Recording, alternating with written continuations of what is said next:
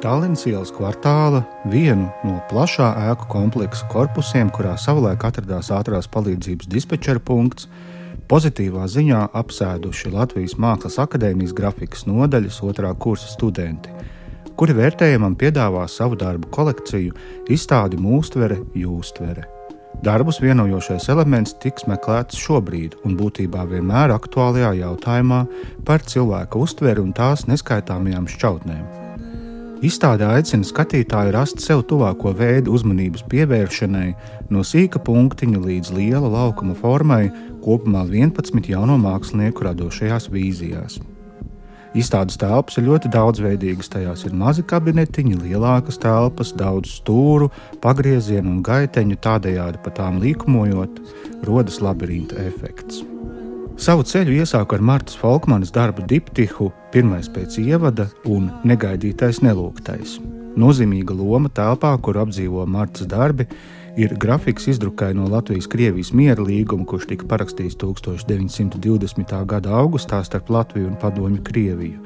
Centrējumā zīmējums pelēkos toņos, kurš sākotnēji atgādina Bābeles torņa interpretāciju, bet pieejot tuvāk, Tas izrādās kūkai līdzīgs deserts, kuram apkārt lido raķetes, reaktīvās lidmašīnas un dzeloņdrāšu vījumi. Nu, tas ir tāds vairāk mm, par eh, ne Bābeles torņus, bet um, par to, kā iesākās svinības, par uh, pandēmijas beigšanos, un tad tas viss atkal sākās no sākuma. Tāds tas ir. Bet tas otrais pants ir, jā, to sauc pirmais pēc ievada. Un, tas īstenībā ir pirmais pants, kurā rakstīts par, par to, kā izējot no Krievijas Socialistiskās Federatīvās Padomju Republikas pasludinātām visu tautu tiesībām uz brīvu prašnoteikšanos un tā tālāk. Un, jā, tā ideja par to, ka tas jau sen ir bijis rakstīts un visu laiku tikai atkārtots, bet tas nevienam acīm redzot neko nenozīmē. Tā.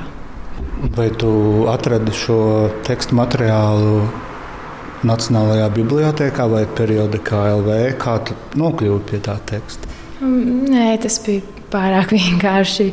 Mums bija ieradies pasniedzējs no Berlīnes, un mēs pētījām šo tekstu un domājām, kā to vizualizēt. Tad, tad bija mana pieeja caur iespiedu presi, kas izrādās atrodas mūsu pagrabā, akadēmijas un lietošanas stāvoklī. Un tad caur tādu, kā tas bija tad nodrukāts iespiedu presē, tad šis arī drukāts uh, iespiedu presē. Un vairāk jau ideja par to, nekā kā es jā, pie tā nonācu.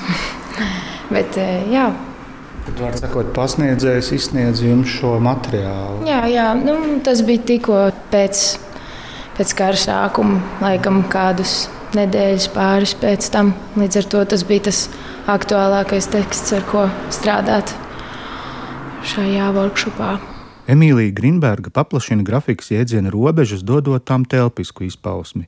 Ģipša atlējumi ir cilvēka atslēgas kaula un zoda līnija, kuri pašai Emīlijai šķiet visjutekliskākie ķermeņa punkti, apvilkti ar zilu samtu. Pati autore savu darbu ielpa izelpa skaidro sekojoši. Mums ir dziļa ieelpa un tāda pati arī izelpa. Divi ģipsējumi ar samtiņu pāri. Un tad, tad darbs pats ir arī par to, ka viss kļūst tik ļoti spiedošs virsū un grūts, un vispār grūti būt par cilvēku. Un tad ir svarīgi atgriezties uz to pašu, pašu sākumu, ka ir dziļi jāielpo un dziļi jāizelpo.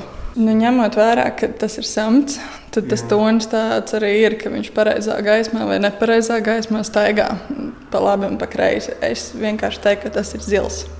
Un arī tev ir zila klēja. Jā, tas zilais tāds favorīts. Doma bija vairāk izmantot to samtu kā to maiguma attēlojumu, to maigumu tajā procesā, pašā elpošanā un, un cilvēka ādā. Tā kā tas zilais ir tīri tāda daļa. Patiesībā Manā mamma ir tērpa dizainere un arī šuvēja. Eh, šis ir audums, kas viņai bija saglabājies mazā, mazā gabaliņā. Un es, kad biju maziņa, man tas bija absolūti mīļākais audums, ar ko spēlēties no visiem. Tā kā viņš tagad ir pārgājis tālākā dzīvē. Ilze Annemarija Jankevice savu darbu, kas lācītim vēderā, integrējusi uz vienas no telpas sienām, pārvēršot savus zīmējumus par ko līdzīgu tapetēm. Viņas tēma kā izskatās mūsu izjūtas un pārdzīvojumi fizioloģiskā, anatomiskā līmenī, noņemot valodas poetiskumu plīvuru un atstājot skaidru un vienlaikus juceklīgu saziņas formu latviešu sakām vārdu stilistikā. Tā galvenā ideja, es gribēju apvienot kaut ko pretrunīgu, šajā gadījumā cilvēku anatomiju, ar to, kā cilvēks reāli jūtas caur latviešu teicienu, tādu perspektīvu, piemēram, kad drosme nokrien papēžos vai tauriņu vēdā lidinās, un to attēlot reālā anatomiskā ķermenī.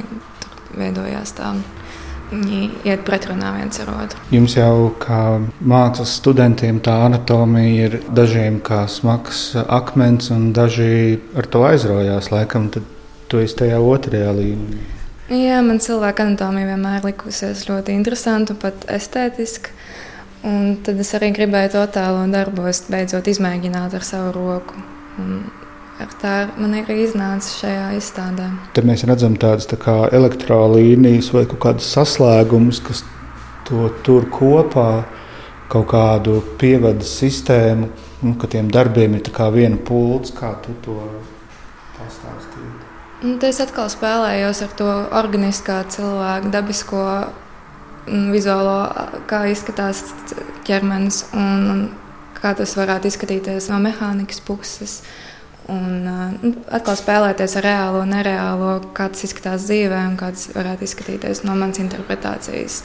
Varbūt mēs tomēr neesam tik ļoti organiski un strādājam kā mehānisks eh, kaut kāds instruments. Zeltenais tonis arī ir ļoti aktuāls. Protams, baltais fons, bet zeltenais ir kā tāda vienojošā. Kaut kas nedaudz medicīnisks, varbūt. Arī jā, nu, šajā gadījumā man, man manos darbos tas vairāk strādāja. Man liekas, ka tieši šai papīra līmenī ir tāda ādas efekts, un es ar viņu līmēju pāri tiem anatomiskiem zīmējumiem un mehānikai, aizaisot cietu un apvienojot to kopējo efektu. Un tādēļ es arī to iesaistīju visā izstādes noformējumā. Cilvēka mentālā veselība ir Patrīcijas Elizabetes Krongonas darba rīts centrā. Šeit izaicinājums būs tiem apmeklētājiem, kuriem netīk klaustrofobiskas sajūtas, taču sarašanas laiks ar tumšā kabinetiņa apstākļiem ir salīdzinoši īss. Ir jāņem lukturītes, un viņa aizmugurē var ieslēgt. Tā tad es ņemu lukturīti, ieslēdzu un dodos iekšā telpā. Te es redzu zvana pogu uz grīdas Vai tam ir saistība ar tavu darbu, vai tā ir sakritība? Šī ir daļa, telpa ir daļa no darba.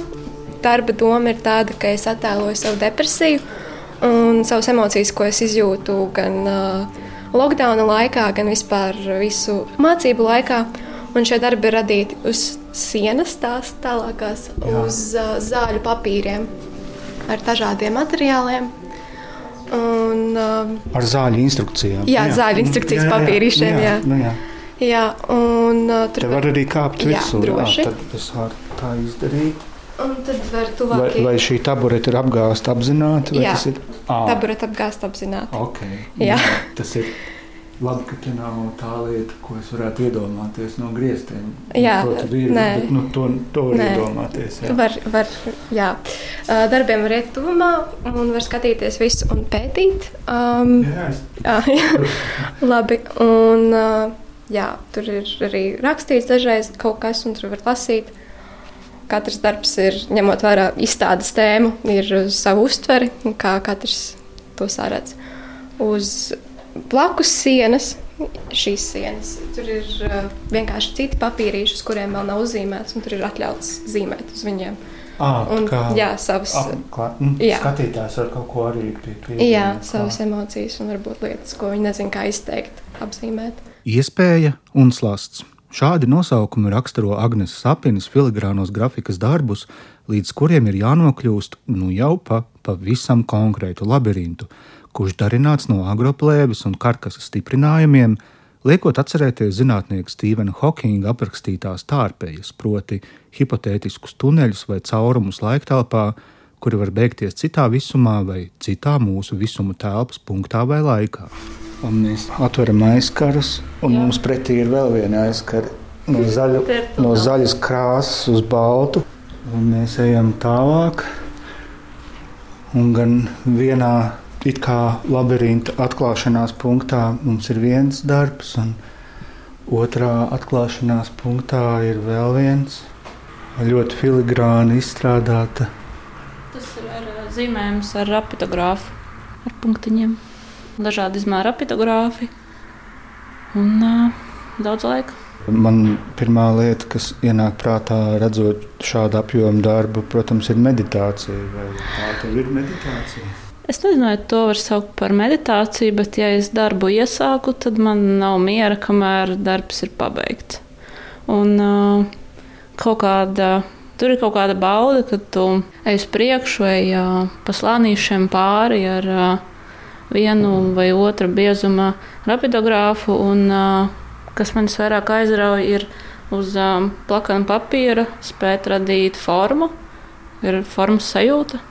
Tas brīdī, kad tu reizēm pat ieliec kaut kādu vienu vai divus punktiņus un izveidojās forma, un tad ir tāds jāsas.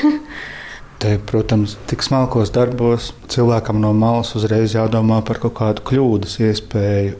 Vai tā ir tev aktuāla, vai šeit nav tā kļūda tik ļoti nu, kur, kur var nokļūdīties, vai vispār tas ir iespējams? Mm, nokļūdīties var, iespējas labot ir minimālas. Tāpēc es parasti strādāju lēni, pārdomāti un sāku ar to, par ko es esmu pārliecināta. Un kādā brīdī arī tas, par ko es nebiju pārliecināta, noskaidrojās. Principā labot kaut ko var minimāli, bet, ja virzās pārdomāti, tad, manuprāt, var nonākt pie rezultāti, kas priecē.